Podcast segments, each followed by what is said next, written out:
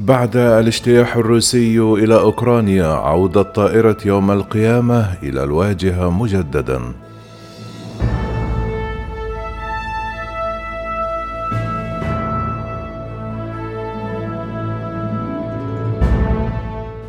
مع احتدام الخلافات بين الكرملين والدول الغربية بعد اجتياح القوات الروسية لأوكرانيا عاد الحديث عن طائرة يوم القيامة الأمريكية التي يمكن أن تصبح مقر قيادة لإدارة المعركة في حالة نشوب حرب نووية.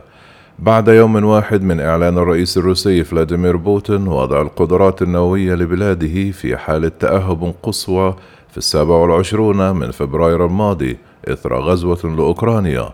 أجرت الطائرة الأمريكية المعروفة باسم يوم القيامة مهمة تدريبية قصيرة فوق نبراسكا في الثامن والعشرون من فبراير الماضي وفق تقرير نشره موقع Live Science طائرة يوم القيامة هي في الأصل بوينغ 747 تم تطويرها لتصبح قادرة على إدارة شؤون العمليات النووية من الجو في حال وقوع هجوم نووي على البلاد. يشير التقرير إلى أن هذه الطائرة تعد جزءا من أسطول طائرات المراقبة الليلية التي يحتفظ بها الجيش الأمريكي منذ السبعينيات والغرض منها أن تكون بمثابة مقر متنقل لكبار القادة في حالة نشوب حرب نووية استحتوي على ميزات أمان لا مثيل لها في أي طائرة أخرى. تبلغ تكلفة تجهيز هذه الطائرة أكثر من 250 مليون دولار.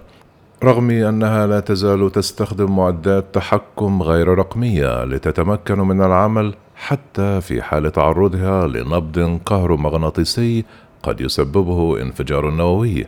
بحسب تقرير سابق لشبكة CNBC الأمريكية لا تمتلك هذه الطائرة أي نوافذ عند منطقة الركاب وهي مزودة بدرع حماية خاص ضد أي تأثيرات حرارية قد تنتج عن الحرب النووية.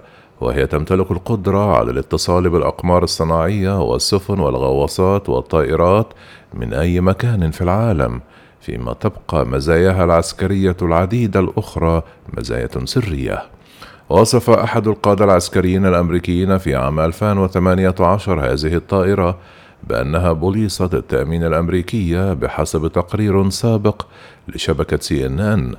أشار التقرير إلى أنه من خلال هذه الطائرة يمكن تحديد مكان الرئيس الأمريكي ونائبه ورئيس هيئة الأركان المشتركة ووزير الدفاع وغيرهم من المسؤولين الأمريكيين. استعمل الطائرة قاعدة للقيادة والتحكم من الجو حيث يمكن لقادة سلاح الجو الأمريكي تنفيذ أوامر الرئيس من أي مكان في العالم. لفت إن أن لدى الطائرة القدرة على البقاء في الجو لعدة أيام.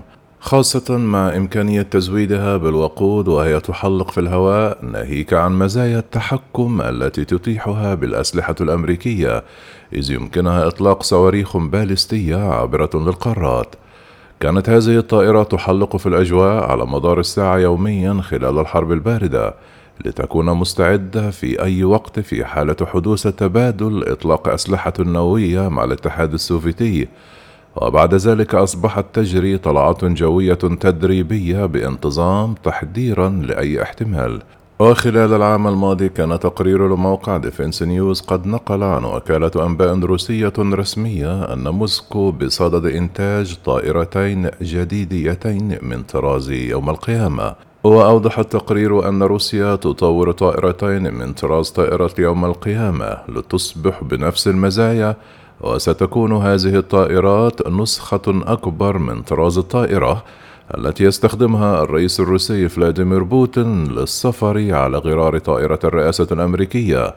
وستحل هذه الطائرات الجديدة مكان الطائرات القديمة التي كانت من طراز أم القيامة.